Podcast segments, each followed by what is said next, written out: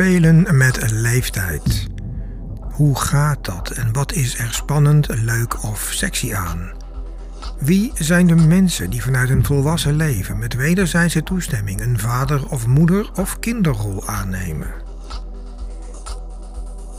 In deze rol spelen ze een spel of rollenspel met een andere volwassene die zich als baby, kleuter of puber helemaal kan overgeven en zichzelf kan verliezen in de koesterende ouderlijke warmte die ze als kind hebben ervaren, of juist niet. Wat is de koppeling met BDSM en seks? Wat doet het met de mensen die dit gepassioneerd beleven?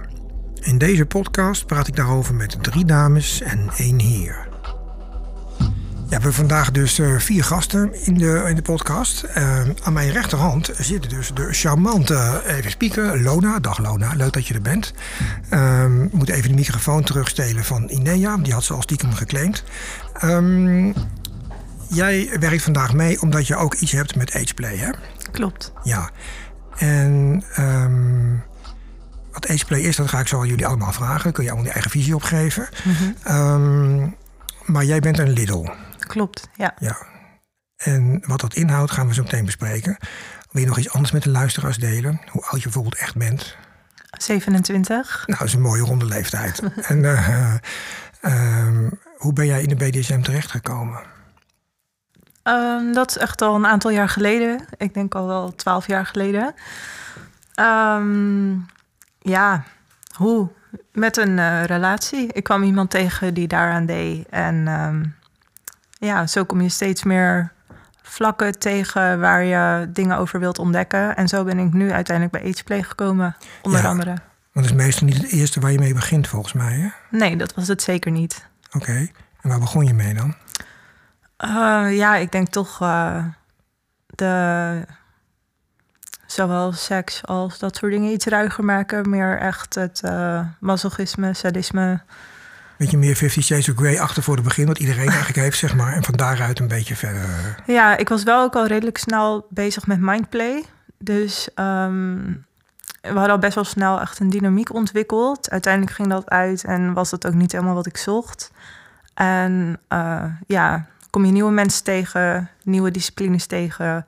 En ja, zo ontdek je eigenlijk steeds meer. Ja, maar nog even over die mindplay. Wat was dat voor jou? Want je bent relatief nog heel jong. En dat betekent Klopt. dat je dus een hele sterke geest hebt. Of had hij dat? Wie van jullie was dominant of in die relatie toen? Hij. Oké. Okay. Ja. En wat zocht jij daarin dan, aan mindplay? Um, nou, ja, ik weet niet. Het begon inderdaad meer met alleen maar fysiek. En op een gegeven moment merkte ik dat ik dat... Uh, ja, onvoldoende klinkt heel erg raar om te zeggen. Maar ik miste een bepaalde spanning.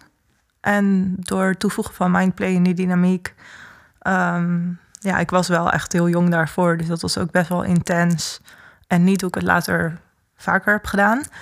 Maar uh, ja, dat voegde veel meer spanning toe. Veel meer uh, mijn gevoelens qua sub ook.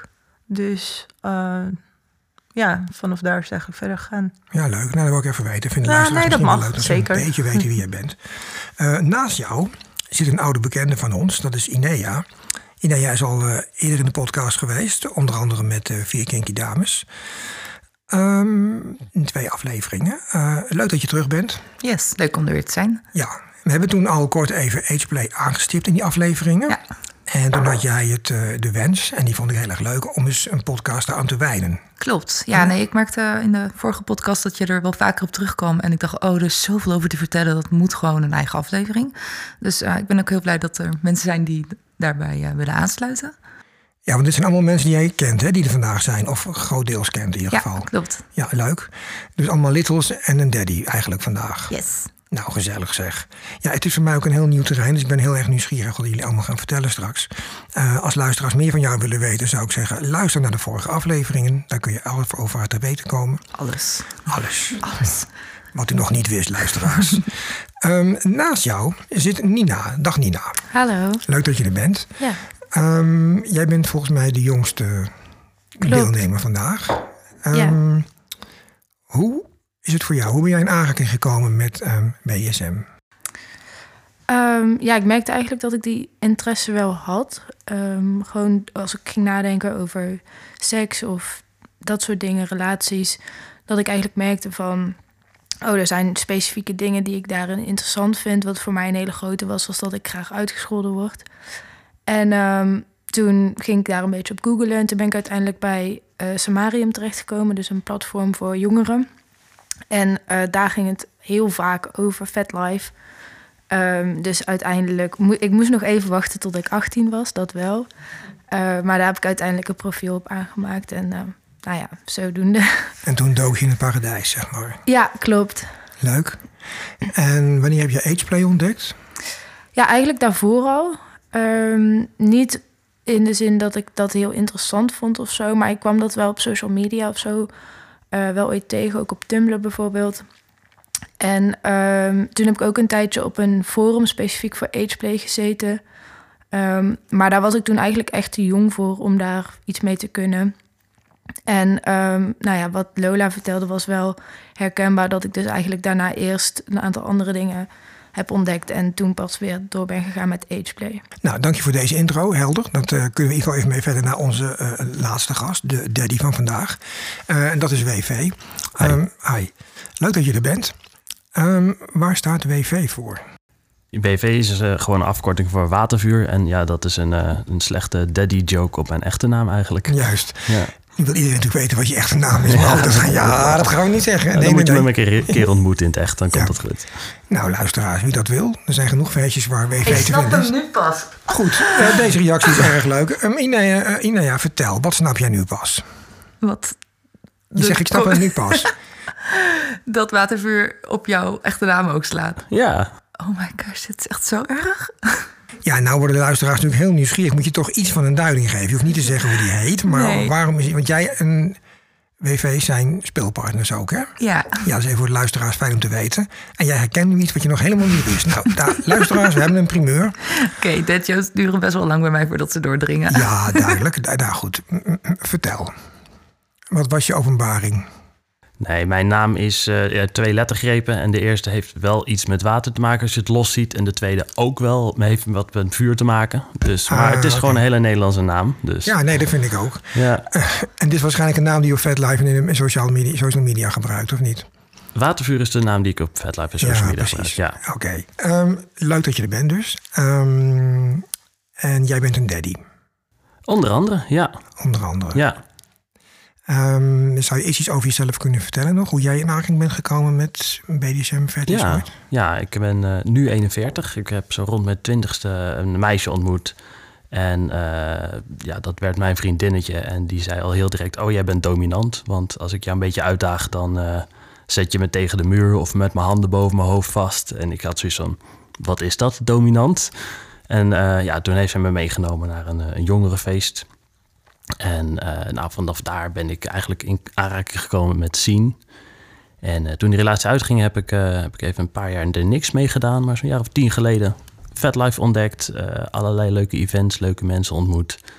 En ik ben voornamelijk sadist, denk ik. Dat is echt mijn, mijn kink. En daarbij vind ik het leuk om ja, uh, in die interactie om daar dominant in te zijn. Of in een andere vorm uh, in een uh, DDLG-dynamiek te zitten. Dus als daddy met een little leuke dingen te doen.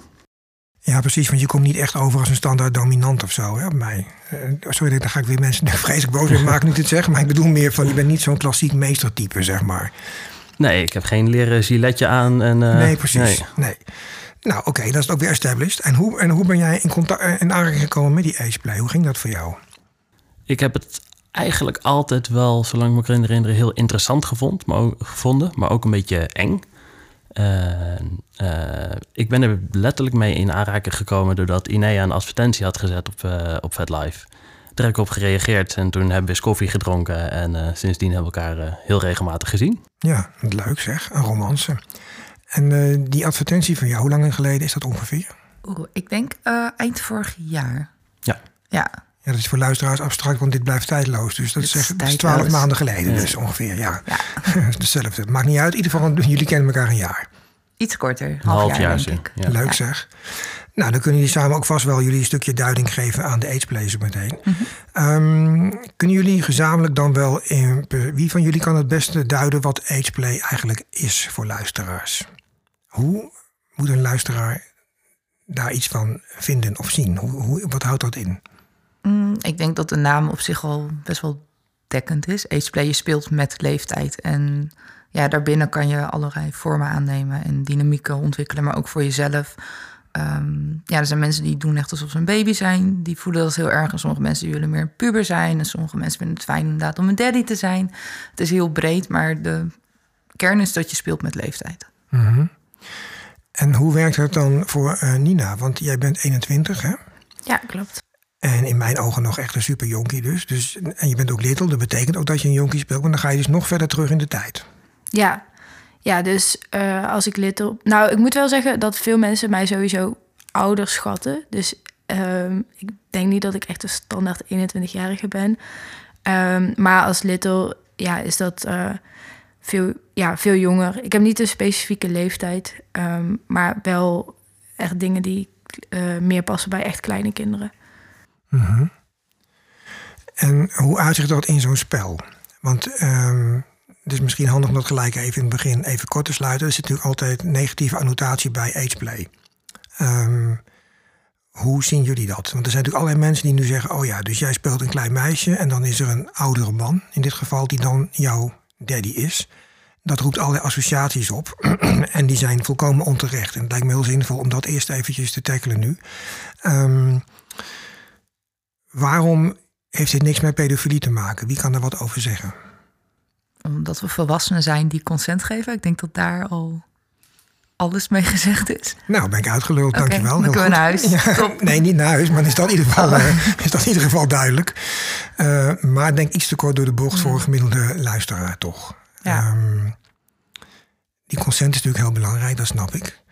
Um, nou, het is ook age play. Het is een spel wat je met elkaar speelt, wat je echt duidelijk met twee volwassenen speelt. En uh, daarmee is het dus niet echt hetgeen wat je speelt. Als ik uh, een computerspelletje speel en tien mensen doodschiet, ben ik ook geen moordenaar. En uh, ja, op dezelfde manier zie ik dit. Ja, precies. Ja, en ik denk ook als je het doortrekt naar de BDSM... Um, nou, er zit hier volgens mij ook wel wat masochisten aan tafel. Ja, ik vind het niet heel fijn als ik random op straat geslagen word door iemand omdat ik daar geen consent over uh, geef. Je nee. speelt iets binnen een afgesproken setting. En uh, ja, mensen die aan BDSM doen zijn ook geen vrouwenmishandelaars. Of überhaupt mensen die... Of mannenmishandelaars. Of mannenmishandelaars. Mishandelaars. Dus ja, ik denk dat je dat ook naar de ageplay kan doortrekken. Dat mensen die dat doen, dat zijn geen mensen die bezig zijn met dingen die niet oké okay zijn. Nee, precies. Ja, ja, en het heeft ook sowieso niks met kinderen te maken. Voor mijn, zeg maar, in mijn beleving. Het is... Um, het is niet zo dat um, als je op straat een, een klein kind ziet, dat je, dat je dan denkt, oh, dat, dat is aantrekkelijk. Of oh, ik denk hooguit van, oh, die rugzak wil ik ook. Maar ja, verder staat het echt helemaal los van kinderen. Van ja. Meisje, nou, ik heb ja. zelfs echt een stronthekel aan kinderen. Dus ja, dat is ook ja, heel... ik ook. Oh. Ja. ja, dus dat is ook wel weer grappig eigenlijk. Dat ik niks met kinderen heb. Ja, of iedereen dat grappig vindt. Ik vind het heel leuk, maar of iedereen Ja. het grappig vindt, weet ik niet. Maar het is wel interessant. Ehm, maar Lona, wat is jouw eh, verhaal hierachter? Want ik kom zo nog even terug bij jullie leeftijden als je in die little rol zit. Maar hoe is dat voor jou? Als jij little bent, wat voor leeftijd heb je dan? Dan eh, ben ik vier tot acht jaar. Juist. Ja. En heb je dan een daddy waar je mee speelt? Nee, ik heb geen playpartner als daddy.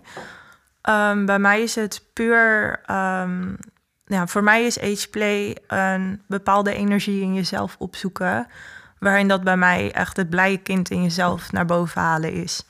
En ik doe denk ik nu een half jaar aan ageplay in die zin. En ja, weet eigenlijk sinds een jaar pas echt van mezelf dat ik dan ook echt little ben.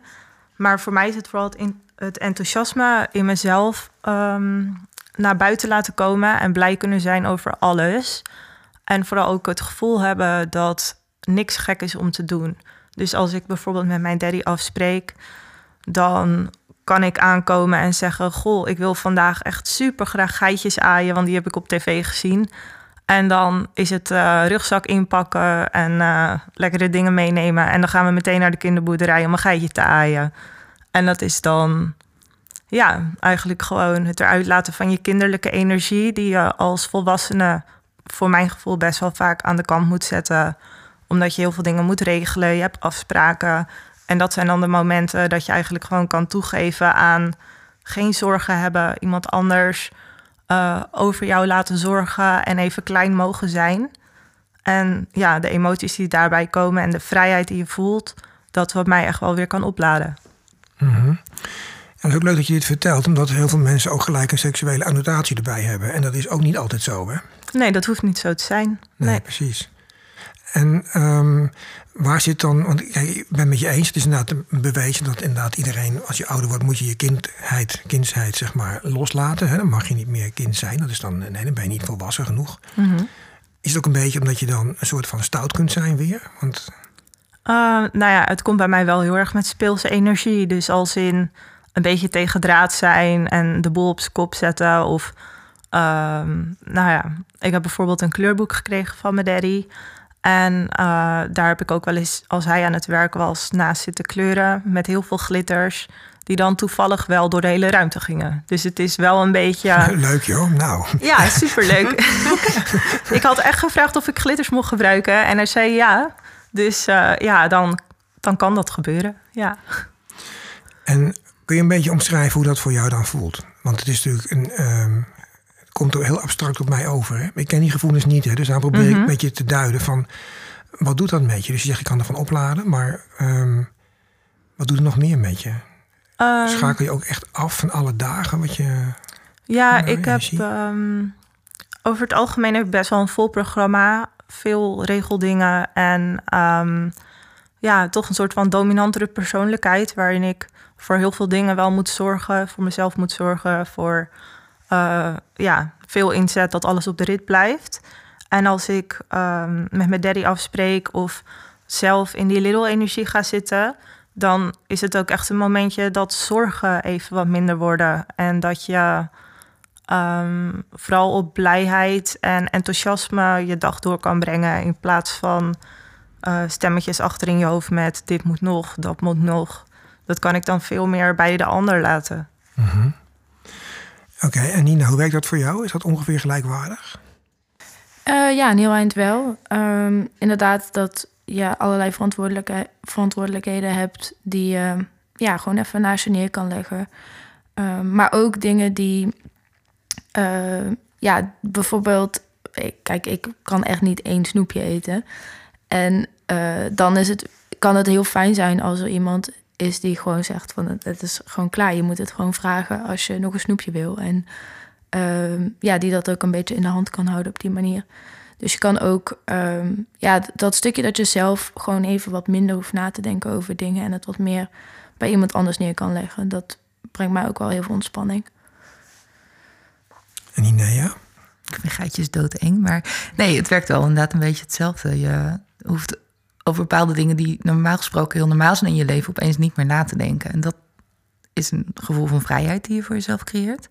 En uh, ja, wat ik ook ervaar is dat gelijk je dynamiek ook heel veel dieper gaat, omdat je zoveel moet loslaten of mag loslaten. Um, kom je op hele andere punten opeens. En dan wil ik natuurlijk weten, wat voor punten? Ja, het is een andere manier van connecten met iemand. Omdat je niet over bepaalde dingen na hoeft te denken. Omdat je bepaalde verantwoordelijkheden bij iemand anders neer kan leggen. Ehm, ja, is dat heel fijn. Dus eigenlijk laat je een heel groot stuk van jezelf dan zien. Het is heel ja, erg. eigenlijk wel, ja. ja uh, dat ben je dus heel kwetsbaar. Het is heel kwetsbaar. Het is doodeng. ja. En hoe gaat dan uh, een daddy daarmee om? Ja, eigenlijk hetzelfde. Uh, wij doen het meestal dat we uh, eens in zoveel tijd afspreken en lekker een dagdeel pakken om dat te beleven. Wij, wij zijn dat niet 24 uur per dag of zo.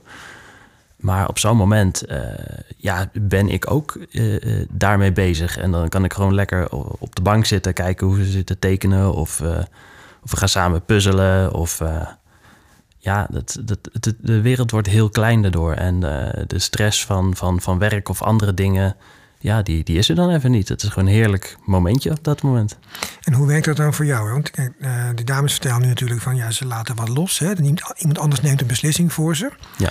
Hoe, want jij moet dan die beslissing nemen, dus heb je een verantwoording, dus moet je nadenken. Ik, ik kan me voorstellen dat je dan minder makkelijk in zo'n bubbel komt? Of hoe werkt dat voor jou? Nee, dat is heel makkelijk, want de beslissingen zijn meestal in de orde grootte van zullen we pannenkoeken eten of niet? Die is niet zo moeilijk meestal, dat weet ik het anders eigenlijk wel. op, Maar ik vraag het toch dan wel even. en of, of wil je, nou ja, eh, wil je tekenen of knutselen of... ehm, eh, ja, dus eh, het is een heel klein, klein wereldje. En dan iemand van vier tot acht. we hebben wel eens een computerspelletje samengespeeld op de iPad. Ja, dat was gewoon een tikkie complex. Dus dat, eh, nou ja, hebben we geprobeerd, doen we niet meer. Maar dat is interessant. Wat was er complex aan dan? Wat- Het was een heel moeilijk spelletje met allemaal draaiende dingen en ik snapte het niet. En ja, het was echt gewoon voor mensen van 12 plus, denk ik. Ja, het was gewoon te oud voor jou, zeg Ja, maar. Ja, nee, ja. dat snap ik. Ehm, nou weet ik van ehm, andere mensen uit de scene. Ik heb een podcast gehoord van de eh, collega's van Meet the Kingsters. Die hebben er eentje opgenomen met Karin. Die kennen jullie misschien ook wel. Mhm. En zij heeft, eh nou was een leuke podcast. En dan veranderen ze ook hun stem. Hebben jullie dat ook? Ga je ook anders praten dan? Of denk het wel, maar misschien goed dan de vorige podcast terug gaan luisteren en kijken of mijn stem nu anders is. Maar Nee, nu niet. Kan ik je uit, uit betrouwbare oké. bron melden. Je Fijn. klinkt hetzelfde. Ja. Nee. nee, maar als je in een sessie bent, begrijp ik. Als je aan het spelen bent. Dan, ja, dan kijk ik even naar de overkant. Nee, volgens mij niet een andere stem, maar de manier waarop je dingen vraagt is anders. En ook de manier waarop ik dingen vraag of stuur.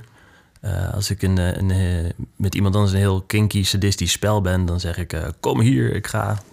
Of ik zeg niks, ik doe het gewoon. Ja, dat, en, ja. en als ik met Inea ben op zo'n moment, het is een heel klein, ze is een super lief kindje. Dus ja, daar ga ik niet gemeen tegen doen. En eh, als, er, als er iets is, dan zeg ik: Hé, hey, kom eens hier. Wat doe je daar? Nou ja, dat is eh, hoe je het aanspreekt. Maar dus, ik zet er geen andere stem voor op of zo. En jij ook niet. Dat is een beetje een vaderlijke instelling, dus zo kun je het zien. Echt een daddy. Je bent echt een vader dan op dat moment. Nou ja, dat, dat weet ik niet. Het Ja, is- hou jij van kinderen? Heb je iets met kinderen? Of eh, ik heb niet specifiek iets met kinderen of zo. Nee. heel geestig dat jullie ook niks met kinderen hebben. Een spelletje. Ik vind het fantastisch, echt. Ehm, Lona, nog even terug naar jou. Jij hebt dus geen, eh, want als je dit zo hoort, eh, herken je daar dingen in voor jou? Of heb jij, beleef jij het weer anders? Nee, ik denk dat het voor mij wel anders is. In de zin van eh, dat ik niet een dominante en submissive. Ja, of het submissive is, weet ik niet als kind. Maar er is geen dominante sturing richting mij. Dus het is Dus jij, vooral. bepaalt, jij bepaalt het gewoon. Top van de bottom up, weet je wel? Nou ja, Bitch baby. Nee, het is gewoon vooral ehm, het heel erg uitleven van leuke dingen met iemand die zelf ook van al die dingen enthousiast wordt. En natuurlijk word ik ook wel eens geremd eh, in mijn ideeën of in, eh, ja, je moet nu toch echt gaan eten. Oké, ja, dan is dat zo.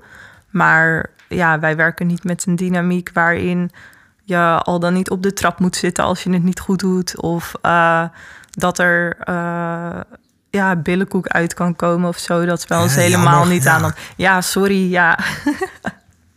nee, dus dat is denk ik wel ehm, anders, omdat er gewoon geen seksuele en geen relatieachtige band is in die zin. Maar ehm, ja, ik denk wel dat het eh, zeker wel in de ageplay eh past. Maar heb jij meer van dit soort eh, dynamiek gehad met mannen? Heb je meer ageplay scènes gehad? set- Settings met andere dom of andere man? Nee, ik heb ehm, zelf wel. ik ben poly, ik heb een vriendin en een vriend. En met die vriendin heb ik wel. ehm, ja, best wel dingetjes in ageplay onderzocht. Als in. Zij was Lidl, dat wist ze zeker. En ik ben toen gaan kijken van. Oké, ik heb een beetje mommy-vibes bij haar. Maar ik merkte op een gegeven moment ook dat dat weer verschoof toen ik deze eh Lidl-band met mijn daddy kreeg. Dus ja, het is allemaal een soort van evolving. Mhm, ja, uiteraard. Ja. Ik was gewoon benieuwd of je, of je referentiemateriaal had. Om dat te toetsen, weet je. Dat je nu in deze fase bent. Dat je misschien nog andere fases hebt gehad. Eh, nee, ik had wel denk ik ook meer een daddyband met mijn eigen vriend willen hebben. Maar hij is gewoon echt geen daddy. Dus ehm, ja, op die manier is dit hoe ik het dan nu wel kan beleven. En ehm, ja, het is voor hem heel fijn dat ik dat ergens anders beleef. Want hij kan niet zo heel goed tegen het stuiterende kind dat in mij zit. Echt zo'n kleine Brad. ja. Nou ja, ik kan vooral gewoon, en daardoor wist ik eigenlijk dat ik Lidl was. Dat ik gewoon altijd zoveel enthousiasme heb kunnen hebben. En met heel veel kleine dingen blij kunnen zijn. En eh, ja, nu heel erg in mijn periode zit van unicorns en roze en glitters. En als iemand anders buiten met een knuffel loopt, dan eh, wil ik hem eigenlijk stelen, maar dat mag nooit. Dan heb ik wel iemand die ingrijpt. En terecht. nou,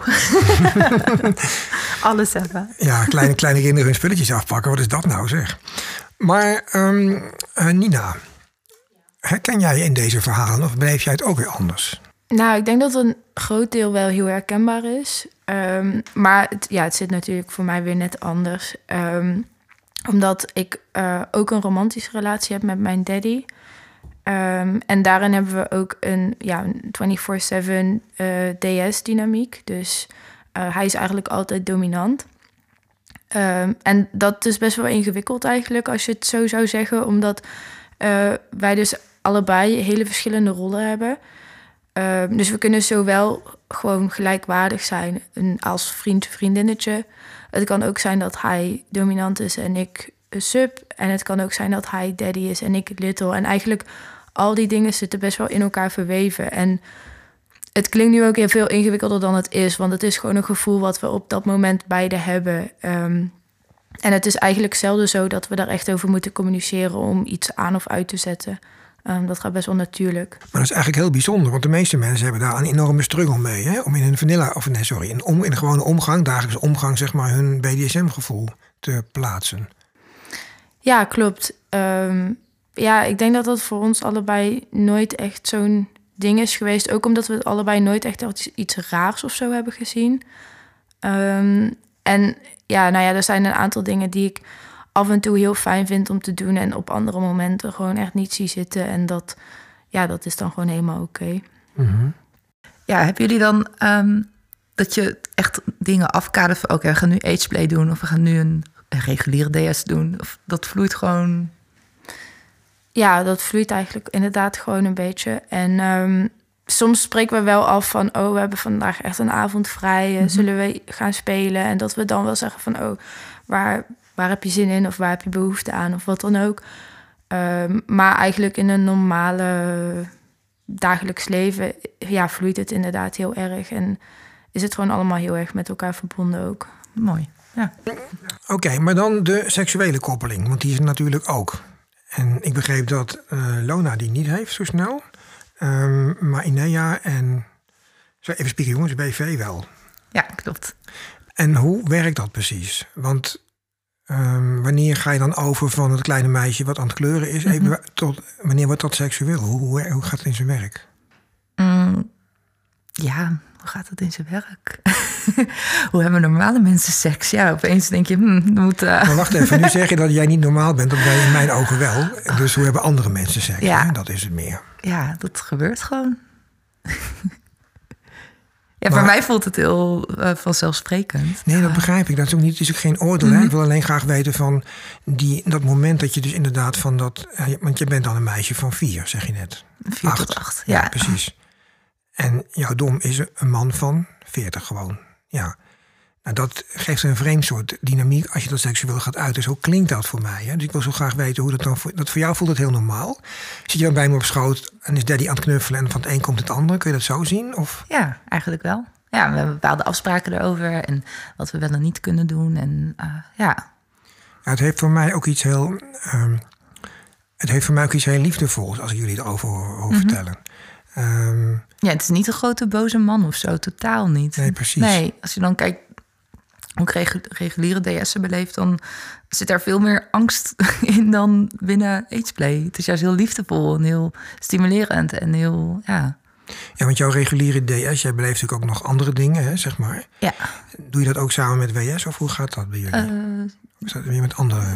soms ja, maar dat is lastig. Als hij sadistische Merkten bui we. heeft, dan ben je aan de beurt, zeg maar. Nou ja, we kwamen, we zijn, ik ben best wel masochistisch en nou, jij bent soms best wel sadistisch. Ja, Maar het is heel lastig om dat binnen de ageplay dynamiek voor Ja. ons in ieder geval erin te fietsen. Dus ehm, ja, ja, die dynamiek staat in principe wel vooraan bij ons. En eh, het, het moet daar binnen passen. Dus eh, als ik ineens een, eh, een, grote, grote slagersmes tevoorschijn haal, dat, dat, dat, dat werkt niet, zeg maar. Dan, eh, Maar wacht even, dus op het moment dat, dat jij daddy bent en zij is little, dan ben je eh, liefdevol en warm. ja, En als zij masochistisch is en jij sadistisch, dan pak je een slagersmes. Nee, juist niet. Nee, nee. Nee, maar goed, kijk, in die dynamiek pakken we, pakken we iets. nou ja, dat kan een heel cliché iets zijn. Van, heb, je, heb je wel gesport deze week? Nou, dat is meestal niet zo. Oh, En, en zit, eh, Nina zit naast je en dat is een sportfreak, hè? Dus Ja.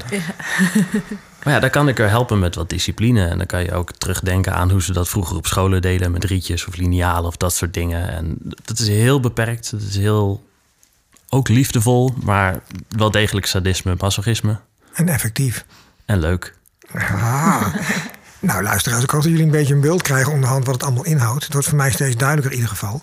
Eh, wat mij nog steeds fa- fascineert is de enorme diversiteit in beleving dus. Want eh, nogmaals even voor eh, Lona. Jij hebt dus eigenlijk nooit een seksuele annotatie gehad in dit soort van spel. Hè? Nee, klopt. Echt niet gebeurd. Nee. En dat zie je ook niet gebeuren in jouw geval? Of van- waar haal jij dan je seksuele kicks uit? Ja, is weer zo'n onbetamelijke vraag. Ik wou zeggen, hoe bedoel je dit? Nou, ik bedoel daarmee van als je het hier niet mee hebt, doe je dan nog andere dingen binnen de BDSM waar je wel je. eh, ben je ook een masochist, heb je een meester? Zo bedoel ik het eigenlijk meer. Ja, zeker. Ja. Ik eh, ben vooral zelf masochist en degradee. Dus, ehm, Wat is een degradee voor de luisteraars? oh ja, eh, ja, dat je gedegradeerd wordt, letterlijk, als je het vertaalt. Dus inderdaad dingen als eh, vernedering en eh, lager laten voelen dan andere mensen. Dus eh, vooral op kinkfeestjes waar ik samen met mijn dominant, die ook mijn liefdesrelatie is, bezoek, lukken dat soort dingen meer omdat het publiekelijk is. Dus dan zijn die factoren, vind ik vaak makkelijker erbij te zetten. Mhm. Bij hem schaam ik me niet zo snel, maar als het voor een groep onbekenden is, dan eerder is het spannend, zeg maar. Ehm, en met hem heb ik dus ook gewoon zelf thuis eh, soms wat heftige dynamiek door het dagelijks leven dan anders. Het hangt er vanaf hoe druk we zijn. Maar daar haal ik verder gewoon de dingen in mijn relatie en uit eh, seksueel gezien, zeg maar, heel erg uit. En daarbij heb ik dan een vriendin en die is heel erg into needle play. Dus dat ben ik op dit moment ook met haar aan het ontdekken om ehm, ja, lek geprikt te worden, zeg maar. Leuk joh. Ja, joh. Nou, needleplay is leuk, kan ik je uit ervaring melden. I love it. Ja, zeker. Spannend, maar leuk. Ja, heel spannend hè. Stel dat ze verkeerd prikken, dan ben je toch de sjaak, zeg maar. Nou, ik heb er vertrouwen in hoor. Ja. Oké, nou, in ieder geval, eh, dat is dan even duidelijk, denk ik ook, dat, dat je toch een andere beleving hebt. Wat ik zo fantastisch vind aan jullie verhalen, is dat ehm, het is allemaal zo veelzijdig en creatief. Het beperkt zich niet tot één beleving. Dat vind ik er zo mooi aan. Ehm, het middelstukje, zeg maar, dus de, de middels. Je hebt dus de, de little, de middel en de big hè, binnen de ageplay. Hoe zit dat? Want wa- hoe oud ben je als je een middel bent? Ja, goede vraag. Ik, eh, Weet jij dat, India of. Nina? Eh, Ik heb eigenlijk echt geen flauw idee. Het is sowieso, die categorieën zijn voor mij persoonlijk niet iets waar ik me echt mee bezig hou. Eh, en ik vind dat ook niet iets wat ik voor mezelf echt zo wil afbakenen. Mhm. Nee, dat begrijp ik. Maar omdat het dus wel over wordt geschreven op die manier. Hè? Dat er dus verschillende leeftijdscategorieën zijn waarin je je kunt gaan eh, ja, plaatsen, zeg maar. Ja, volgens mij de liddles, dat is alles wat klein is. Nou, tot wanneer vind je iets klein? Eh, de middels zijn meer de pubers volgens mij. Oh, die zijn erg. Ja, ja. Sommigen kiezen ervoor, ja. Nee, dus dat is weer een hele andere dynamiek waarschijnlijk wat ze hebben dan, eh dan Liddles. En je hebt ook nog de, de ABDL-scene, die is ook heel groot. Ehm, En wat houdt dat in? ja, dat zijn de adult babies en diaper lovers. En die zitten, dat zijn ook weer Liddles. Ehm, en die zijn eh, meer richting echte babykant. Ja, of luiers. Want mensen die een luierfetish hebben... hoeven weer niet zich te identificeren als een baby. Dus het is ook weer... Nee, precies. loopt ook weer allemaal door elkaar, maar het is allemaal ageplay. Heel, Heerlijk complex allemaal. Heel zeg. complex, Ah, I ja. love it. Ehm, en ik begrijp dat jullie eigenlijk allemaal redelijk ontdekkend zijn, toch? Of misschien Nina wat langer al dit doet... maar jullie allemaal zo'n half jaar tot een jaar mee bezig zijn, klopt dat? Nou, ik ken de ABDL-scene ken ik al best wel lang. En dat was niet mijn scene. Dus ik heb me heel lang niet in ageplay verdiept. Omdat ik dacht dat dat ageplay was. En eigenlijk sinds mm, vorige DS kwam het opeens weer op mijn pad. Dus dat is nu een jaartje of drie geleden eh, ben ik daar weer mee bezig gegaan. En eigenlijk het afgelopen jaar ook voor mezelf eerst die zoektocht gedaan. Van oké, wat wil ik? Waarom wil ik dit? Ehm, ja, wat, wat is er voor mij te doen? En toen ben ik inderdaad iemand erbij gaan zoeken. Maar ik heb het eerst zelf al een beetje ontdekt afgelopen jaar. Ja, Ja, precies. Ik ben zo benieuwd waar zo'n dynamiek naartoe gaat. Eh, hoe lang heb jij al ervaring daarmee? eh watervuur. Mijn ervaring is, is, is, eh, is alles met Inea eigenlijk. Ah, Eh, oké. Ja, het was altijd een interesse. eh, vooral, ik vond het leuk, ik vond het spannend klinken. Dat vind ik met meer dingen.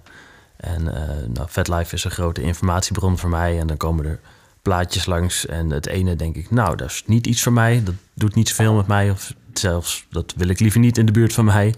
En andere dingen, dat, dat vind ik heel leuk eruit zien. En, en daar kijk je meer naar. En ik, heb, eh, ik ben ook poly, ik heb meerdere partners. eh, en geen van mijn partners had echt iets met die, met die Lidl-dynamiek. En eh, nou, de advertentie kwam langs, toen heb ik erop gereageerd. Dus, maar ja, het is altijd goed om gewoon te blijven ontdekken. Dat, dat is denk ik universeel. Ja, nee, helemaal mee eens. En jullie hebben allemaal eigenlijk een soort van polyrelaties, open relaties, als ik het goed begrijp. Dat is op zich ook al, eh, dat vind ik ook wel zo mooi, dat, eh, laten we zeggen, de nieuwere generatie, waar ik niet toe behoor helaas, maar zo tussen de, tussen de 20 en de 45 nu, dat die allemaal zo heerlijk open zijn over die dingen en zoveel onderzoekender zijn.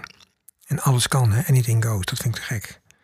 Ehm nou ja, is er nog iets wat ik nu niet even vraag, hè? Wat over die, over die ageplay? Want je zegt, ik wilde heel graag dus iets over maken. Dat doen we dus nu. Eh, Wat wil jij nog zeggen wat ik nu nog niet heb gevraagd? We zijn nog niet klaar hoor, maar... Ehm, ja, er heerst best wel veel onduidelijkheid inderdaad over. eh, mensen hebben toch een soort van beeld over ageplay. En dat is, ik zie het ook op vetlife voorbij komen, niet altijd heel erg positief, omdat ze het niet begrijpen. Dus ik vind het in ieder geval heel fijn dat we nu met z'n allen erover kunnen praten. En dat inderdaad blijkt dat iedereen een andere manier van beleven heeft. Het kan seksueel zijn, het kan niet seksueel zijn. Je kan het voor jezelf doen, je kan het met iemand doen. Ehm, dus ik vind het fijn dat er meer over gesproken kan en mag worden op dit moment. Ehm, ja, wat, wat zou ik nou willen delen? Ehm, wat me blij maakt. Nou, eh, wij, wij zijn al eerst, zeg ik eh, in Ja. goed Nederlands. Ehm, ja, ik vind het vooral heel erg fijn dat ik een soort van de tijd kan nemen eh, om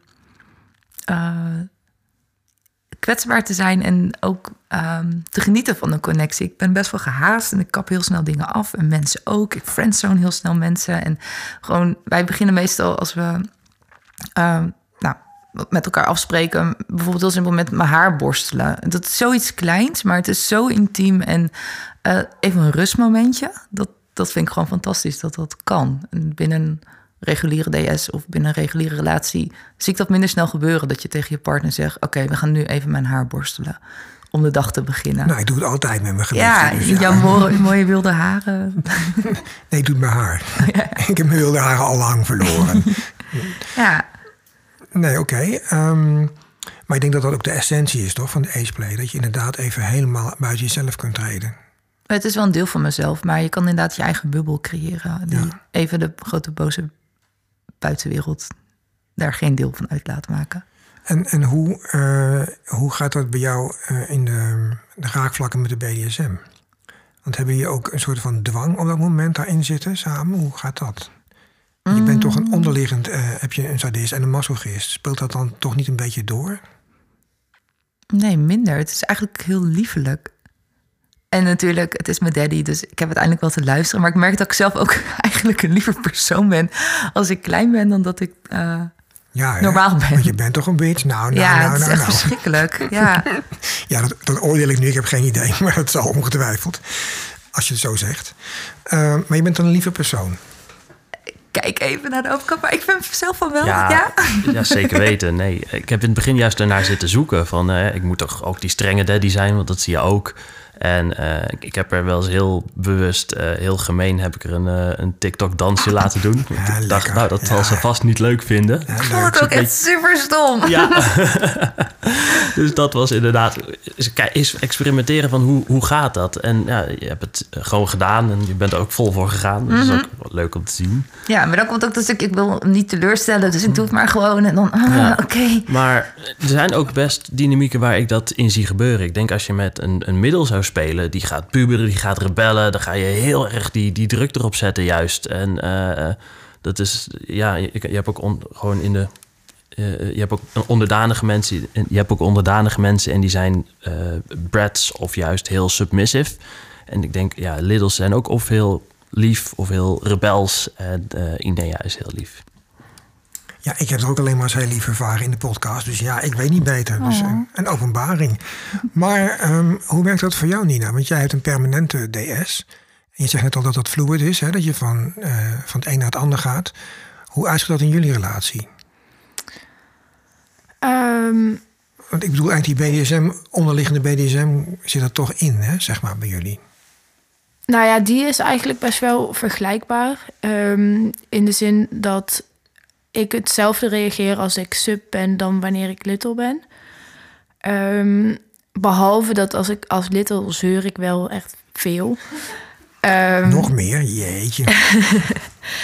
Ehm, maar de, ja, de, de, de dingen die ermee te maken hebben, of de opdrachtjes of de dingen die ik moet vragen of zo, die zijn gewoon heel anders.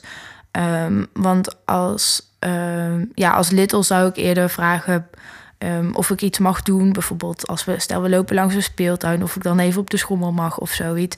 En dat zijn dingen die eigenlijk ja, gewoon altijd mogen.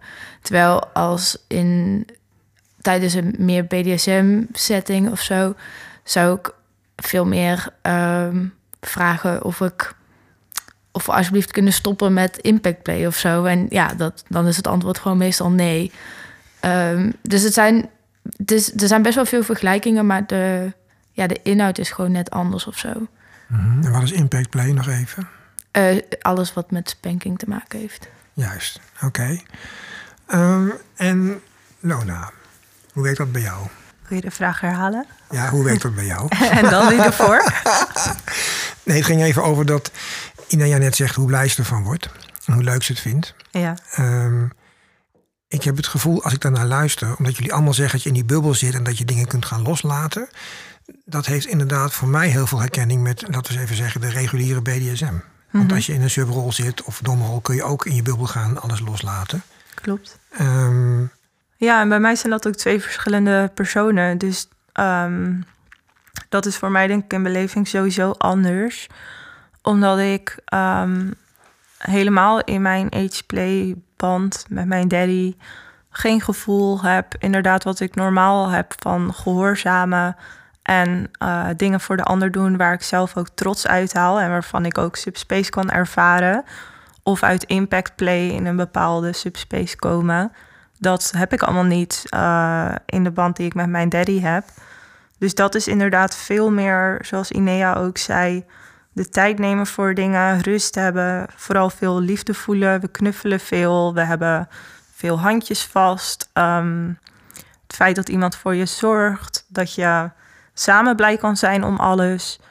En ehm, ik denk dat je daarin gewoon een soort van met heel weinig dingen heel gelukkig kan voelen op dat moment.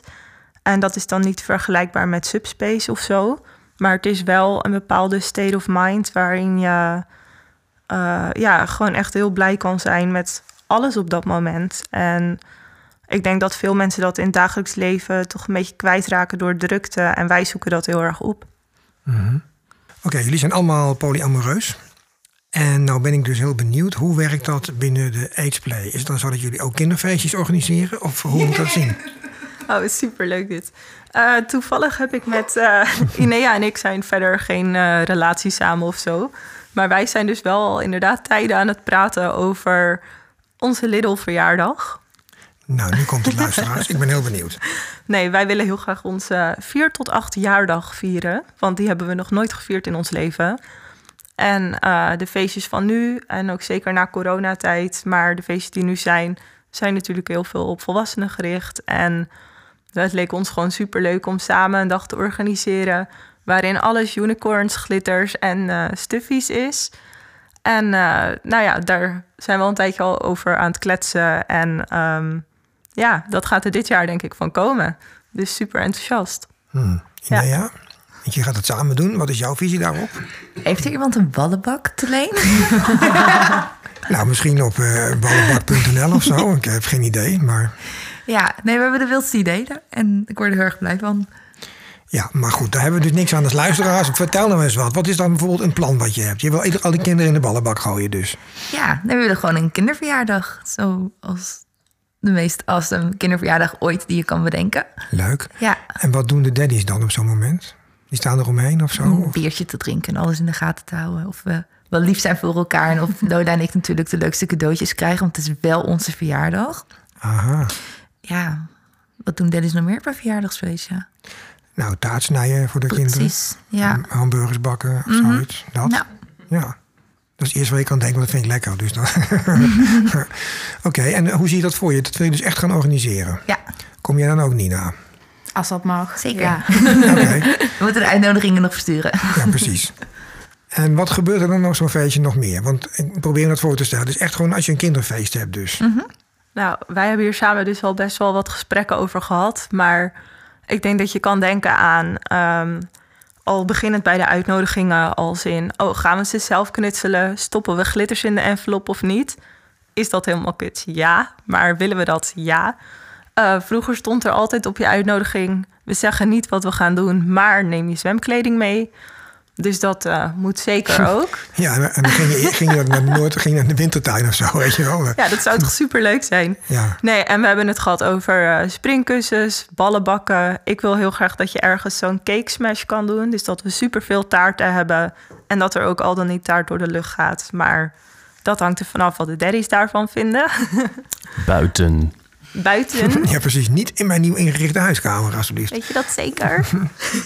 Ja, Maar eh, nee, dus zo zijn we eigenlijk al... Alles wat je mogelijk kan bedenken wat leuk zou zijn voor een kinderfeest... dat willen we eigenlijk in factor 10 eh, gebeurt dat al in ons hoofd.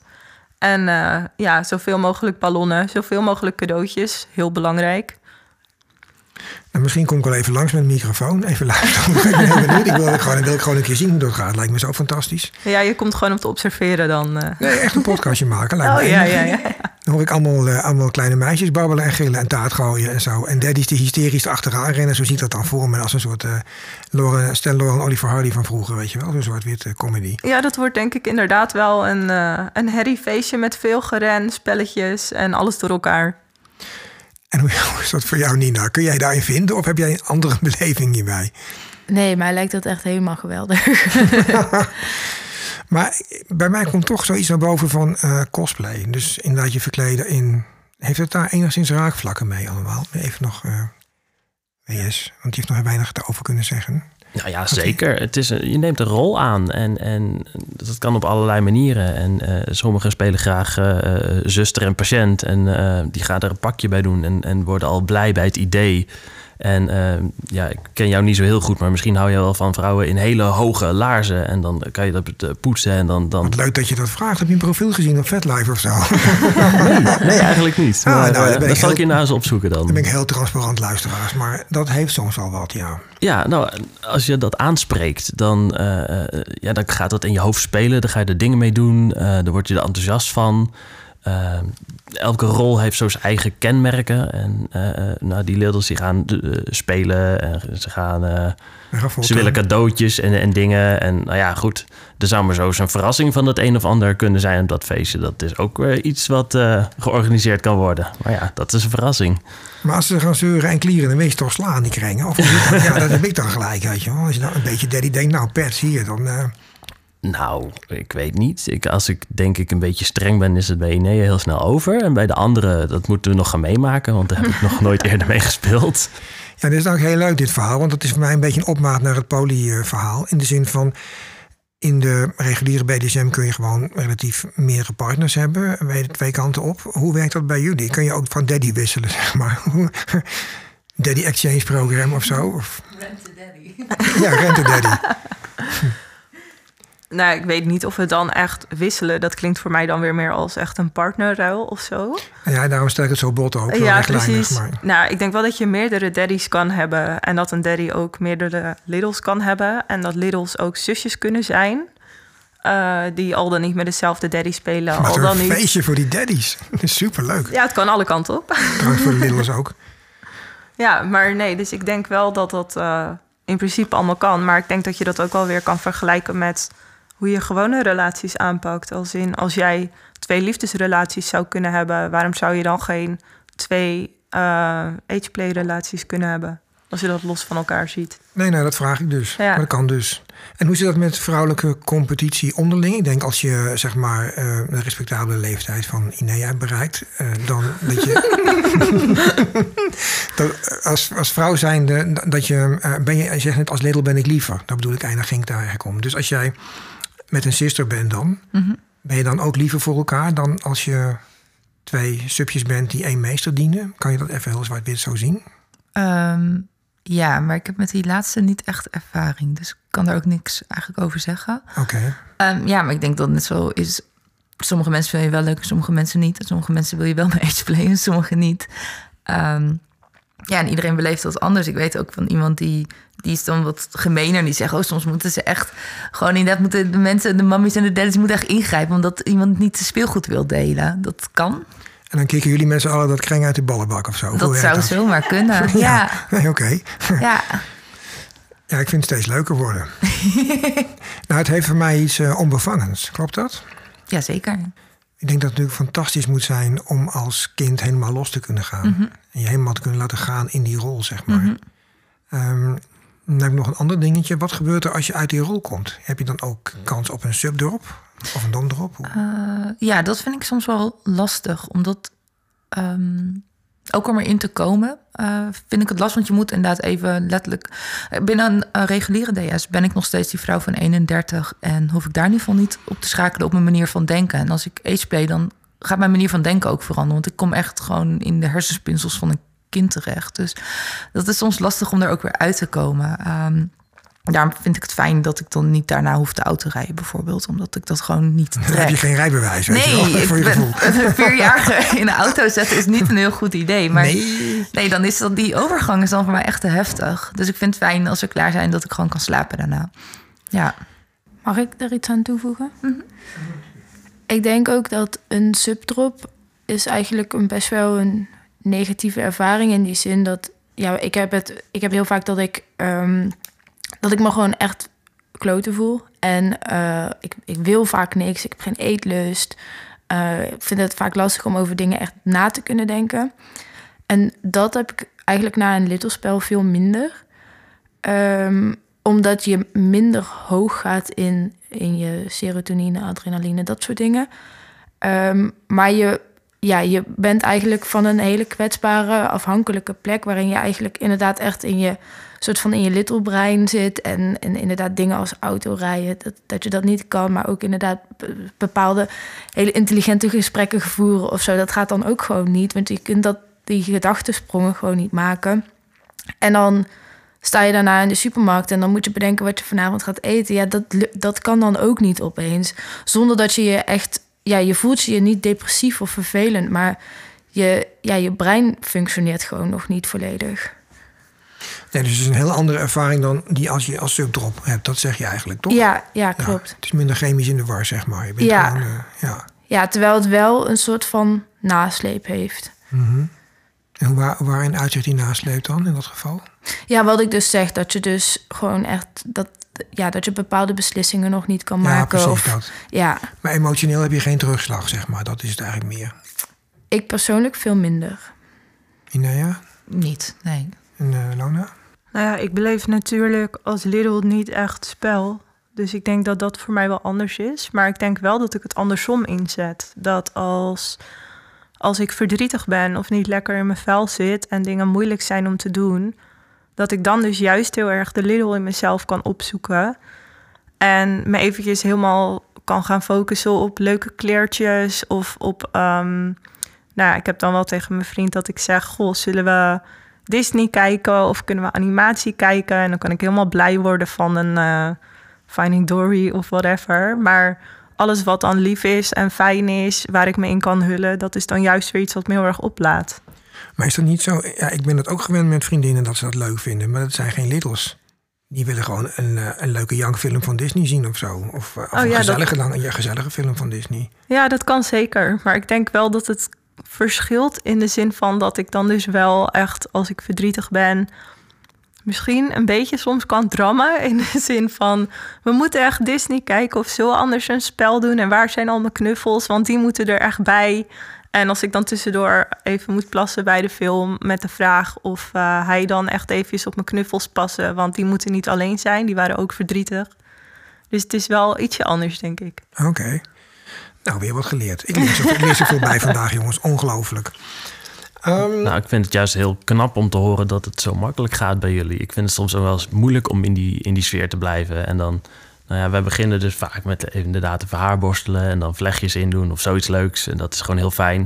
En dan later op de dag, nou, dan kook ik meestal. En dan ben ik dan vaak bij Inea thuis. Dus, en zij kan beter koken dan ik. Dus dan sta ik een beetje te klungelen daar. En dan is het wel moeilijk om die balans te bewaren. Want ja, ik ken ook niet, ik weet niet waar alles in de keuken ligt. En, eh, verkeerde ingrediënten, weet je wel. ja, dus dan, dan, dan eh, gaat die sfeer er een beetje van af. eh, Soms. En soms gaan we weer terug, soms niet. We kunnen ook gewoon lekker daarna op de bank zitten of wat dan ook. Heb je dus zo'n kind van 4, 8 die roept dan... nee, nee, je moet die kruiden gebruiken. Nee, nee die prei moet je anders snijden. Dat bijvoorbeeld. Ja, ja daar, eh, daar hebben we wel eens wat wrijving inderdaad. Maar ik zou dan zeggen, we doen kinderkookles. Dan laat je haar koken, dan geef jij de aanwijzingen. Dat zou ik dan doen. Dan ben je van het gezeik af. We doen wel samen bakken. Samen bakken. Ja. Zo, zo, zo, oh, alle kinderen, zo'n heel Holland bak kinderen bakken of zoiets idee. Ja. Ik heb cakes en met sprinkles en glazuur en dat soort dingen. Dat Ja, gaat wel dat is wel goed. leuk. Ja. Ja, en, en die sfeer, je had het over een subdrop. En ik, ik, ik beleef dat meestal vanaf de andere kant dan. Eh, maar als ik een, een, een, een pijnspel of een beetje een primal spel met iemand speel... dan zet ik iemand heel vaak op scherp. Ik ben niet een lieve sadist die, die iemand meeneemt en in een flow laat komen. Ik, ik laat iemand op zijn knieën balanceren. En als hij een beetje weg, weg droomt, dan, dan geef ik wat prikjes in de zijkant... zodat hij bijna omvalt. Ik ben gewoon een, een kutsadist, zoals ze dat wel Nee, je noemen. een leuke sadist. Ik vind het helemaal gezellig. Ga door. Ja, maar dat, dat doe ik hier dus niet. En Nee. eh, dat, dat is heel intens wat ik beleef als sadist. Dat, dat, ga ik ook, dat doe ik typisch niet een hele dag lang of zo. Eh, en dat is heel fijn. En dan zit er, en dan, omdat er zoveel contrast in zit, heb je daarna een, veel, eh, veel meer een lege ruimte. Terwijl wat we hier eh, met die DDLG-dynamiek beleven is... eh, dat komt veel subtieler en dat neemt ook weer af.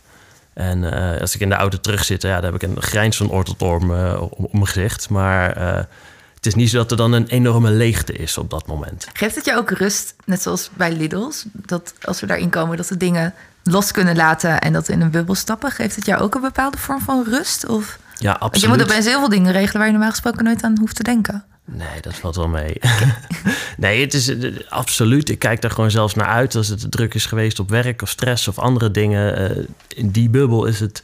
Nou, soms denk ik van, nou, we gaan, ik neem nu eens een paar heliumballonnen mee of zoiets. Dat kan je ook heel veel lol mee hebben. En Maar mag ik inhaken op wat je net zei over met dat koken bijvoorbeeld? Ja. Ehm, je bent wel op zoek zelf naar een bubbel, maar ik kan me ook voorstellen dat als er dingen zijn waar Inea over weet hoe ze moeten of waar ze staan, dat het voor jou ook heel moeilijk is om juist een bubbel te vinden. Omdat als jij dan toch ergens afhankelijk bent van dingen die zij weet eh, of nodig hebt, dat het dan best wel lastig kan zijn juist om echt een daddy-bubbel te vinden, zeg maar.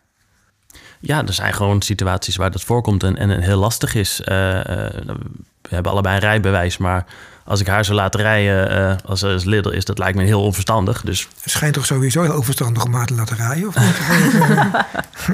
dat weet ik niet. Vind ik gewoon Geen leuk om, uitspraak even, altijd leuk om even te pesten, sorry hoor. Nee, maar we zijn naar een pannenkoekenrestaurant geweest een tijdje terug. Ja, daar rij ik en dat is gewoon prima. Dat past in de bubbel. Maar dit soort praktische dingen, omdat ik niet super bekend ben met alles in de keuken, al gaat dat steek- steeds beter inderdaad. Eh, ja, dat ga je tegenkomen. En dat is, maar ja, ook dat is, is heel saai. Net met eh, alles. Als je met een nieuw iemand een, een, een pijnspel aangaat en je weet niet hoe die reageert of. of eh, je bent heel erg ingericht op Keynes en die wil juist alleen maar zwepen. Ja, dan moet je ook nieuwe dingen ontdekken en ga je nieuwe eh, drempels tegenkomen.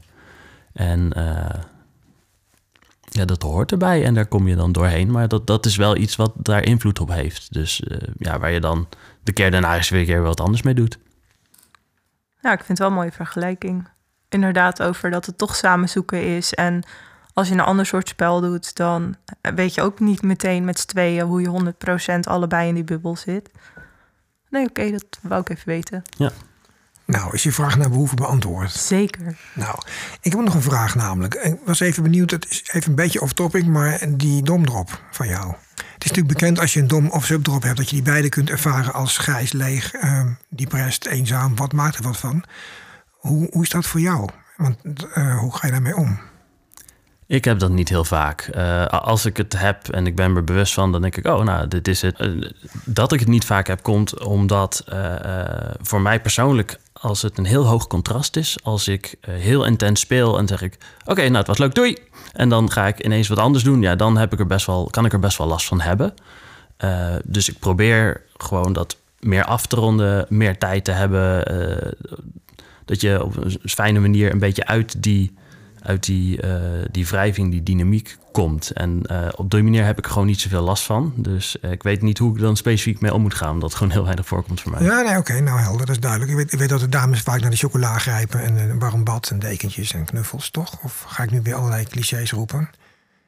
Pijnlijke stilte overvalt mij. Het wordt ijskoud in de kamer. Wie wil daar even op de... Nina. Um, nee, nee ja, eigenlijk niet. Chocola wel. Um, omdat, ja, dat helpt. Dat, dat is gewoon zo. Er zit gewoon hormonen in die gewoon helpen. Ja. Natuurlijk, ja, okay. um, ja, ik. Um, ik denk dat ik vooral met drops omga door ook heel erg contact te zoeken met degene met wie ik op dat moment gespeeld heb. Want ik merk ook dat contact met andere mensen dan niet boeiend is. En ook vooral gewoon, en dat zei jij ook al wel een beetje, um, niet negeren dat er iets aan de hand is, maar gewoon denken van, nou, vandaag is gewoon een beetje een matige dag en uh, ik moet gewoon uh, een beetje rustig aandoen en misschien op tijd gaan slapen. En als ik behoefte heb om straks even met iemand te bellen, dan kan dat. En uh, verder, ja, vooral gewoon het rustig aandoen. Maar ik zou niet, ik denk dat ik me alleen maar uh, depressiever zou voelen als ik echt de hele dag onder een dekentje zou liggen. Want dan heb je ook wel heel veel tijd om na te denken. ik zou dan liever gewoon naar buiten gaan, iets gaan doen. Um, ook gewoon een beetje leren dat er ook andere leuke dingen zijn. Ja, ik heb gelukkig ook niet heel vaak een drop. Um, maar ik vind het dus heel fijn om dan wel onder een dekentje te liggen en pizza te bestellen en met mezelf te zijn. Ja, beslist geen contact met een ander eigenlijk.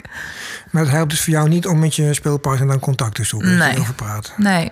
Okay. Nee, wel gewoon even een appje van... hoi, ik voel me echt super slecht vandaag. Uh, het komt hier en hier door. Telefoon Laat me met rust. Ja, ja laat me met rust. Oké. Okay. Ja, ik heb het een beetje hetzelfde... Um, mogen we over drugs praten? Je mag hier over alles praten. Oh, fijn. Nee, ik behandel me een beetje als een ja, ecstasy erop. Voor mij voelt het echt precies hetzelfde. De dinsdagdip, je serotonine, alle hormonen zijn gewoon compleet gone. En dat moet aangevuld worden. En het is oké okay om gewoon even een dag over te slaan. Nou, interessant. Dan weet ik als voormalig werkgever ook waarom mijn personeel op dinsdag altijd zo brak was. Ja, nou, de dinsdag dit. Maandag gaat prima, maar dinsdag is echt... Uh, Oké, okay, dus dinsdag wordt verplichte vrije dag voor alle werkgevers in ja. Nederland. dat ze dat weten. Ja. um, Lona, wat heb jij daar voor ervaring mee? Ja, ik weet niet of ik als sub echt een soort van subdrop ervaar. Maar wel dat als een scene natuurlijk gewoon heel intens was. Uh, dat het wel heel fijn is om daarna, voor mij in ieder geval, samen op de bank te kruipen. Wel onder een dekentje en nog eventjes na te praten over wat je al dan niet gedaan hebt of hoe het voelde. En uh, ja, dat je langzaamaan. Ik heb dan meestal scenes met mijn eigen partner. Uh, dus dan zijn we ook gewoon de rest van de dag samen. Ja, maar dat helpt natuurlijk heel erg. Dat is heel fijn, ja. En dat je dan langzaam weer van het bijvoorbeeld niet mogen praten in de scene... naar rustig samen weer contact oppakken. Uh, wel weer elkaar mogen aanraken en knuffelen. En nou ja, als je dan even een momentje samen hebt daarvoor... dan kun je weer makkelijker een soort van integreren in het dagelijks leven. Ja, precies. Oké. Okay. Um, ik wil eigenlijk toch nog heel even terug naar de, en dat wil ik natuurlijk niet, maar ik wil dat wel. Ik wil terug naar de negatieve annotatie. En dat is niet vanuit een sensationeel oogpunt, maar ik vind dat we dat nog niet genoeg hebben ontkracht. Dus, nee ja. Ik ga hem er maar gelijk in fietsen. Ja. Alle age-players hebben een hele slechte jeugd gehad. Die hoor je ook heel vaak. Ja. Precies. Maar dat heeft zo'n beetje... Iedereen heeft een slechte jeugd gehad. Ja, ik dus niet. Ik heb echt een fantastische jeugd gehad. Nou, wat is er mis met je? Ja, alles. Nee, voor mij is het juist omdat ik het zo fijn heb gehad vroeger. Um, en ik daar heel veel leuke herinneringen aan heb. Ik heel graag terugga naar dat gevoel. Uh, dat werkt voor mij heel goed. Ik weet dat er ook inderdaad helaas mensen zijn die dat niet hebben. Um, Maar het is zeker niet zo dat alle ageplayers iets heel ergs hebben meegemaakt in de jeugd. Nee, dat is denk ik net zoals bij niet-ageplayers. Sommige mensen Nou ja, hebben precies. pech en sommige niet. Exact. En het gaat er mij dus vooral om dat dat voor luisteraars helder wordt. Dat Ja. het niet zo is dat iedereen met een trauma aidsplay gaat doen Nee. of BDSM of zoiets om los te komen van de trauma. Want Mhm. dat slaat ook nergens op. Nee, klopt. En het is wel, ik denk dat het heel goed is om je ervan bewust van te zijn als je dat wel hebt. En ik ken ook meiden die, of ageplayers, ook jongens trouwens, die het juist omzetten naar iets positiefs. Dat is ook natuurlijk fantastisch dat je daar, daarvoor kan inzetten. Maar Precies. eh, ik denk dat dat ook wederom voor iedereen anders ligt. Maar hoe zit het voor jullie dan met eh, acceptatie? Ik heb een hele open vriendengroep, eh, best kinky, best, eh, ja, die doet heel veel. Ik doe nu sinds, sinds een klein halfjaartje dus eh, wat met ageplay. En ik krijg echt vrienden die, waarvan ik weet dat ze heel open-minded zijn. Ze oh, oh, ah, wil je ook mijn daddy zijn dan? En Een beetje flauw, toch? dat is hartstikke flauw. En eh, ik vraag me wel af of, of hoe die acceptatie voor jullie zit. Hebben jullie daarmee te maken? Ja, ik merk in de kink scene dat er ook wel veel gekinkshamed wordt over ageplayers. Uh, vanilla mensen snappen het al helemaal niet. Maar ik date ook wel vanilla en tref daar wel partners die het niet begrijpen, maar zien dat ik er blij van word en het daarom accepteren. En gewoon heel veel over praten, inderdaad, wat het met me doet, ehm, hoe ik erin sta, wat ik dan precies doe. Ehm, ja, ik praat erover en dat schept denk ik wel een hoop duidelijkheid bij mensen. Ja, het is inderdaad, denk ik, heel veel onbegrip. Hmm. Um, maar ik merk wel inderdaad dat ik... Um, ik ben best wel ook heel open over mijn kinkleven, ook naar mijn vrienden toe. En daarin is ageplay wel iets wat ik eigenlijk nooit noem. Um, en ik vind het helemaal prima als er een keer een touw in mijn kamer ligt of wat dan ook. Maar ik heb ook bijvoorbeeld speentjes en die zou ik wel eer, veel eerder verstoppen. Um, en ik ben afgelopen maart voor de eerste keer naar een speelfeestje geweest... waarin ik, ja, het thema was unicorns. Dus ik kon niet anders dan gewoon eigenlijk als Lidl daar de hele dag rondrennen. Wat is een unicorn voor de luisteraars? Een eenhoorn. ja, da, maar wat is het in het spel? Oh, nou, het is. Uh, het wordt ook gezien als een uh, vrouw die bij een stel aansluit. Um, maar het, op dit specifieke feest was het gewoon echt een heel breed thema. Het was ook uh, voor veel mensen wel de dresscode en um, ja, de versieringen, dat soort dingen. Um, de, maar ja, toen had ik een beetje zoiets van ja, ik kan eigenlijk niet anders. En dat was de eerste keer dat ik dat echt zo geuit heb. En ik kreeg eigenlijk alleen maar hele leuke reacties. En heel veel mensen die zeiden dat ik, een, uh, dat ik leuke kleding aan had. En dat ik er schattig uitzag en dat soort dingen. Dus ik merk wel dat ik voor mezelf ook wel heel fijn vind... als ik gewoon dat soort positieve reacties krijg. Juist ook uit de kink scene. Mm -hmm. Maar ja, kijk, shaming gebeurt op alle levels. Hè. Dat is niet alleen binnen de ageplay.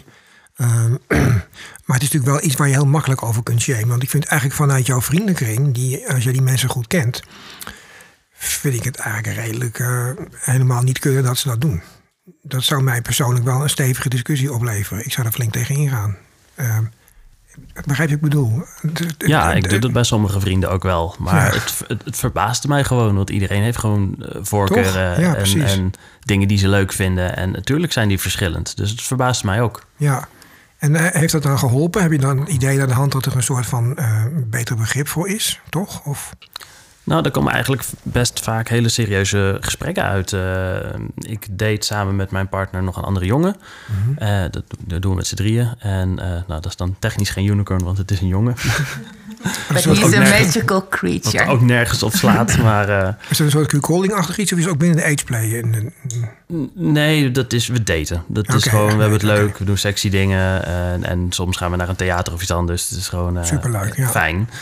En uh, die was ook in het begin een beetje grapjes aan het maken. En toen ben ik daar serieus op ingegaan. Van, hé, hey, uh, ik merk nu dat je dit doet. Dat vind ik een beetje raar. En uh, uiteindelijk kwam eruit dat hij het eigenlijk ook wel heel leuk vond. En spannend. Ja, en, ja, ja, precies. En je dat dan niet met mij doen? Ik zeg, nee, ik heb die dynamiek niet met jou. Nee, precies. maar we kunnen het wel over hebben en kijken wat er wel is. En dan misschien kun je het wel met iemand anders doen. En toen hebben we het eigenlijk gewoon een aantal keer inhoudelijk erover gehad. Maar het is gewoon verbazend dat zelfs met, met binnen de kink scene, met hele open-minded mensen, dat er toch mensen dit nog spannend vinden zo. Nou, heb je even. Ik vind juist, uh, ja, luisteraars, daar gaat hij weer. Binnen de kink scene vind ik de mensen helemaal niet zo open-minded. Ik heb daar, ehm, dat is heel erg, vind ik, afhankelijk van de groepen, van de soort mensen. Dat is net als in het echte leven, zeg maar, bij de King gezien. Ik bedoel, iedereen vindt iets van elkaar, iedereen heeft het over elkaar. Dat is best wel heftig. De King is natuurlijk een kleine gemeenschap, relatief. Ehm, en ik denk dat het eigenlijk zo jammer is, omdat juist in zo'n gemeenschap zou je met z'n allen veel sterker moeten zijn en minder, laten we zeggen, slecht over elkaar praten. Eh, groepstechnisch gezien of voorkeurtechnisch gezien en persoontechnisch gezien. Aan de andere kant heb ik daar veel over nagedacht en denk dat het ook wel logisch is, omdat veel mensen natuurlijk in die hele scene heel erg uitgesproken zijn of een statement maken met wat ze doen en wat ze voelen. Dus dat heeft altijd controverse en dat roept natuurlijk ook altijd weerstand en dus ook discussie op. Dus ik begrijp het aan de ene kant wel, maar ik vind het niet getuigen van eh, openheid van geest. Dus bij deze probeer allemaal open te staan voor elkaar en neem jezelf niet zo fucking serieus. Eh, de wereld Wat goed dat je dan podcasts erover maakt. Dankjewel voor de bijdrage. Ja, heel graag gedaan. ik zou eigenlijk willen zeggen, de, de wereld draait niet om jou, maar je draait mee op de wereld. Dat is mijn motto. En kunnen heel wat mensen in de breedste zin zich gaan spiegelen, hoop ik. Eh, dank je voor de ondersteuning, Inea, maar ik ben er af en toe heel naggig over. Ik vind het gewoon eh, dus goed dat je het ook even benoemt, dat je die jongen daarop aanspreekt. Eh, volgens mij is het namelijk heel vaak zo dat mensen die dus overmatig reageren op iets wat eigenlijk waar ze weinig van af weten of juist heel erg mee bezig zijn, ligt dat te vaak aan ten grondslag. Dus inderdaad, zijn reactie komt waarschijnlijk voort omdat hij er echt wel iets mee heeft of iets bij voelt. En dan vind ik het van jou heel sterk dat je daar gewoon serieuze gesprekken over aangaat. Eh, dus ik hoop dat het anderen ook zal motiveren om dat ook te doen. En in ieder geval op te komen en trots te zijn op je fetish. En op te komen voor. Ehm, heeft helemaal niets met ageplay te maken, maar toch even, dat moest er even uit, zeg maar. Bij deze. Ehm, ja, is er nog iets wat jullie eh, willen toevoegen? Eh, Nina, heb jij nog iets te melden over ageplay? Wat ik niet heb gevraagd of wat niet te sprake. Je mag het ook aan anderen vragen, hè? want jullie vragen elkaar van alles, vind ik superleuk. Want ik speelde wel de interviewer, maar ik ben ook met rode oortjes mee te luisteren. Dus ik vind het heel leuk als jullie elkaar natuurlijk wat vragen. Nou, ehm, ik denk wat ik wel ook heel interessant vind, is het stukje ehm, iemand daddy noemen of mommy noemen. En ehm, ik heb het idee dat wij dat allemaal doen, maar er zijn ook mensen die, voor wie dat helemaal niet werkt. Ehm, en ja, die discussie vind ik ook altijd wel heel interessant, omdat het woord daddy ook wel hele, ja, ooit wel negatieve connotaties kan hebben voor mensen. Uh, en ook best wel beladen is. Uh, ook voor bijvoorbeeld mensen die het eventueel zouden horen dat ik mijn daddy zo zou noemen. Um, ja, dat is niet echt een vraag, maar wel, uh, ja, wel iets wat ik zelf heel interessant vind. En wat wil je er precies mee zeggen nu? Want dat komt bij mij niet helemaal aan. Nou, dat dat dus ook wel echt een grote controverse is binnen, binnen de ageplay. Binnen ja. de ageplay, binnen de BDSM? Ja. Ja, precies. En sowieso het geven van titels of het benoemen van titels is een ding. Ik denk dat het nu voor het eerst is dat ik inderdaad iemand niet bij zijn naam noem. En dat heeft ook wel even wat tijd gekost. Omdat, ja, ik heb gewoon... Ik heb een vader en, en dat, we zijn gewoon helemaal oké. Okay. Ik heb geen daddy issues. Uh, en om dan opeens iemand daarmee aan te spreken is verwarrend. En het kostte mij heel veel moeite. Ik voelde het wel, maar kon het inderdaad niet uitspreken. En dat is eigenlijk pas sinds kort dat ik dat wel kan. Maar dat... Het lukt je heel aardig hoor, moet ik zeggen. ja. ja, maar dat, ja, ik weet inderdaad veel van mensen die doen dat echt direct na de eerste date en ja, sommigen nooit. En ik denk dat het ook met titels is. Ik heb mijn dominant nog nooit met meester aangesproken of um, met u of nee. Ik denk dat het voor iedereen anders is. Ja, voor mij persoonlijk werkt dat ook nooit zo. Mm. Maar dat is inderdaad voor iedereen anders. Ik denk dat sommige mensen heel veel waarde aan hechten ja. aan die betiteling. Um, Lona, had jij nog wat toe te voegen? Nee, niet dat ik weet. Ja, damn zeg, wat is dat nou? Ja, sorry. ja, nee, er zijn zoveel dingen al besproken hier. Zoveel goede dingen gezegd. Dus ik weet zo 1, 2, 3 niet nog iets uh, om op tafel te gooien. Oké, okay, wat vind jij van die titulatuur dan? Dat mensen elkaar zo aanspreken? J jouw dingetje met het daddy zijn en het... Uh, of daddy aanspreken, doe je dat ook in jouw spel? Of werkt dat bij jou weer heel anders? Uh, nee, ik, uh, ik gebruik niet letterlijk de term daddy, maar wel iets wat erop lijkt. Dat ga ik hier nu niet noemen. Maar... Oh, oh God, nou, dat wil ik natuurlijk weten dan. Waarom niet? Nou, dat refereert aan een... Uh... Ah, oké. Okay. Een naam of persoon. Precies, ja. Dus dat doe ik niet. Maar dat is wel iets wat echt in ons eigen taaltje in die zin zit. En ook in mijn relatie met mijn dominant doe ik wel aan het gebruiken van titels. Nou wel, dus dan is het echt meester, slavin, sub of wat je er ook van maakt. Dat soort dingen, ja. Ja, oké. Eh, maar nu zeg je nog wat ander leuks, wat ik hoor. Je zegt taaltje. ja. Dus jullie hebben allemaal een eigen taaltje, hoor ik nu. Dat is interessant. Hoe werkt dat? Ehm, nou, ik zie waar we het eerder over hadden, als in als Lidl heb ik niet per se een heel andere vorm van praten of zo. eh, qua stemmetje. Dat hoorde ik bij, sorry, je onderbreekt, maar dat hoorde ik wel in de podcast van Meet the Kings met Karin en haar eh, partners. Mhm. Die hadden wel andere stemmetjes toen ze wat voor gingen spelen, zeg maar. Ja, het is bij mij niet bewust een knopje wat ik omzet als in... oh, nu ben ik Lidl, dus nu praat ik drie octaven hoger. Maar het is wel, denk ik, door het enthousiasme wat erbij in zit... of door het kleinere meisje mogen zijn... dat zowel woorden anders kunnen zijn als... eh, ja, toch wel misschien een beetje de frequentie waarop je sommige woorden zegt. Ja, precies. Ja. Oké. Ehm, Daddy. Wees lief voor elkaar. Ja, dat hè. Ja, Was dit je daddy stem? dat weet ik niet. Nou, ik vond het wel leuk klinken. en Ik ben het ermee eens. Wees lief voor elkaar. Dat is heel belangrijk. Ik denk dat eh, te veel mensen niet lief zijn voor elkaar. En je kunt beter eh, daddy spelen en... eh, oh nee, dat zeg je verkeerd. Je kunt beter ageplay doen... dan eh, in Rusland wonen en denk ik... ga ze een landplan bombarderen, toch? Dus, we Precies. Oké, nou dan wil ik jullie allemaal ontzettend hartelijk bedanken... voor jullie komst, openheid en intelligente bijdrage. En ook gevoelsrijke bijdrage. Ik vind dat jullie leuke dingen hebben verteld. En ik hoop dat de luisteraars hier weer iets uithalen ook... waarmee ze wat kunnen. En dat we met z'n allen het eh, oordeel, dan wel vooroordeel over ageplay eh, hebben kunnen ombuigen. Bij de mensen waar dat zo is. En nieuwe mensen die geïnteresseerd zijn, kunnen altijd mij een mailtje sturen. En dan contact ik jullie, breng jullie contact met eh, de aanwezigen hier. Dus eh, heel veel dank daarvoor en eh, tot een volgende keer allemaal. Dank voor het luisteren naar de Fetish podcast.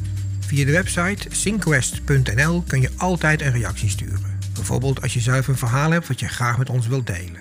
Op de site vind je ook linkjes naar andere podcasts en mogelijk voor jou interessante sites over BDSM in het algemeen. Dat was het voor nu. Tot de volgende keer. En reageren kan dus via synquest.nl. S-I-N van Nico, quest.nl.